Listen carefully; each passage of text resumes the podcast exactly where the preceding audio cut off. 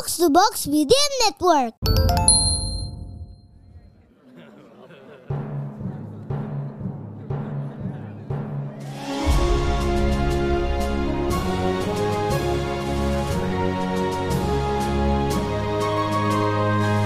Perhatian, perhatian. Dongeng Paman Geri akan segera dimulai. Semua anak dipersilahkan untuk berkumpul.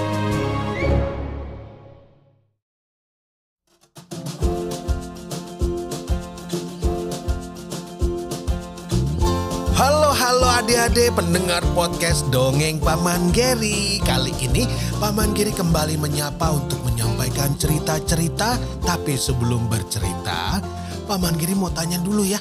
Kalau misalnya eh, menyiapkan tas sekolah sejak semalam sebelumnya Atau pagi-pagi pas mau berangkat Wah biasanya kalau pagi-pagi mau berangkat terburu-buru menyiapkan apa yang harus dibawa ke sekolah. Tapi kalau disiapkan sejak malam sebelumnya, wah pasti nggak usah terburu-buru, ya kan? Kalau seandainya punya tas seperti yang adik-adik pakai ke sekolah atau koper seperti punya Tuan Alessandro, ini pasti asik ya. Ah, kita lanjut kayu ceritanya.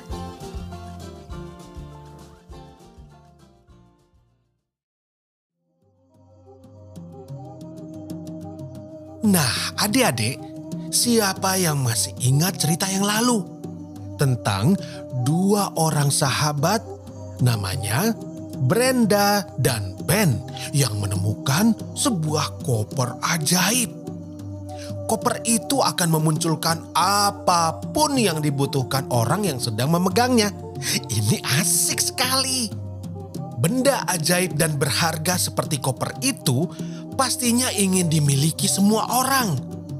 Tapi Brenda dan Ben mau mengembalikan koper itu ke pemiliknya, yaitu Tuan Alessandro, yang rumahnya di puncak gunung.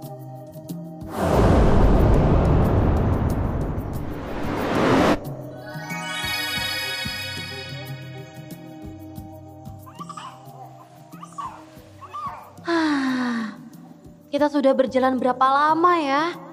Sepertinya sudah jauh sekali. Hmm, iya, aku juga ngerasa gitu. Hmm, mungkin karena kita tadi malam kurang tidur kali ya. Jadinya kita cepet capek.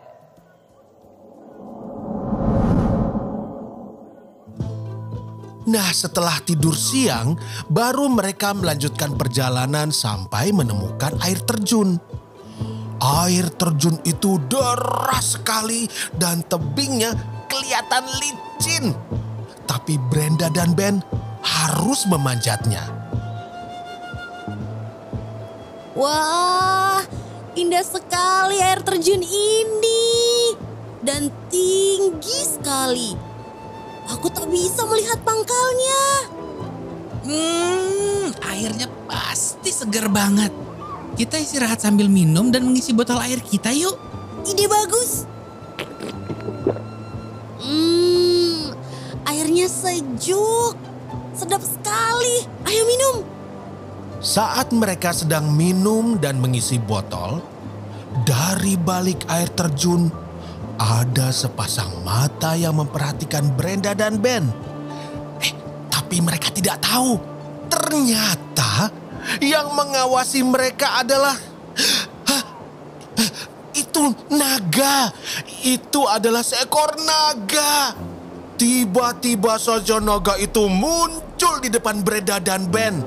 Tubuhnya besar dan bersisik dan kuat sekali.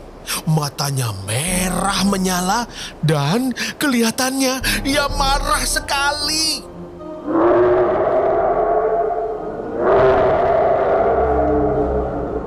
Brenda, lari ke belakang waktu besar itu. Aduh, hampir aja. Dia pasti naga penjaga air terjun ini. Aduh, apa yang harus kita lakukan?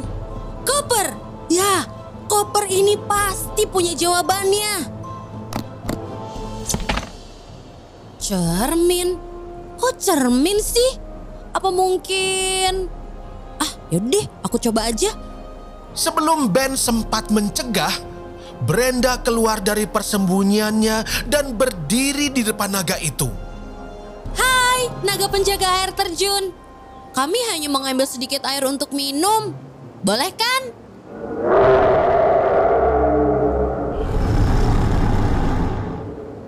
Wah, naga itu malah menyemburkan api lagi. Tapi untunglah Brenda sigap melindungi dirinya dengan cermin tadi. Semburan api seketika berhenti. Cermin tadi memantulkan api yang disemburkan naga. Apinya jadi berbalik menyerang si naga. Naga kebingungan dikejar apinya sendiri. Akhirnya dia memutuskan untuk menceburkan diri di air terjun. Naga yang baik, maaf ya kalau jadinya seperti ini. Kami hanya mau ke puncak gunung untuk mengembalikan koper yang hilang ini. Bolehkah kami lewat? Naga memperhatikan Ben, kemudian Brenda, lalu ia menghela nafas. Ah, lalu dengan satu hentakan, naga itu tiba-tiba berdiri dan menyambar Brenda dan Ben sekaligus dengan mulutnya. Lalu menaruh mereka di punggungnya yang bersisik. Lalu sang naga pun terbang tinggi. Dalam waktu beberapa detik saja, mereka sudah sampai di puncak gunung, tepat di depan rumah Tuan Alessandro.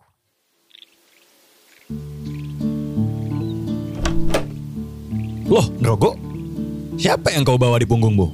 Ayo turunkan mereka. Kasihan, wajah mereka sudah pucat sekali. Ah, ah, Tuan Alessandro?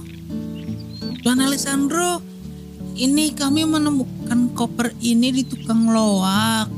Ada namamu di dalamnya. Jadi kami kembalikan ke sini. Koper? Oh ya ampun, koper ini? Koper segala ada.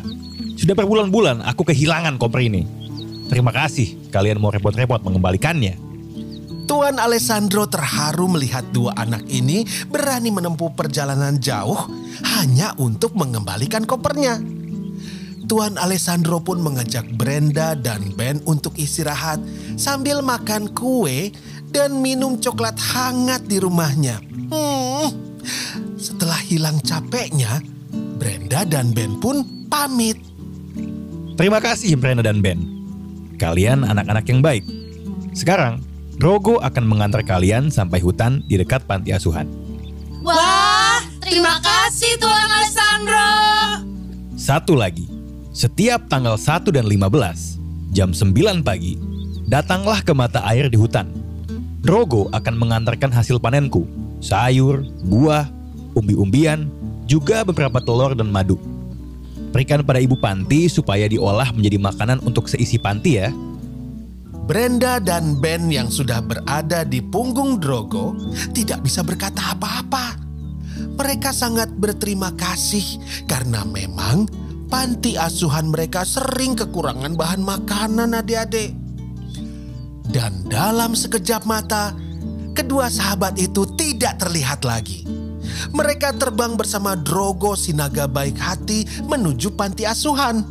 Wah, cepat ya kalau naik Drogo.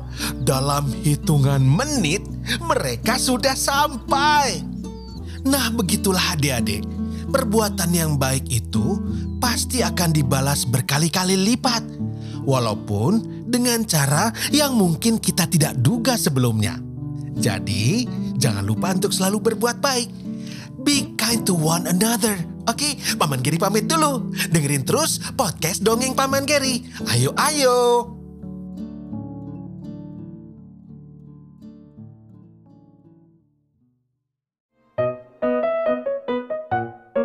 Yeay, dongengnya sudah selesai. Jumpa lagi di dongeng Paman Geri selanjutnya.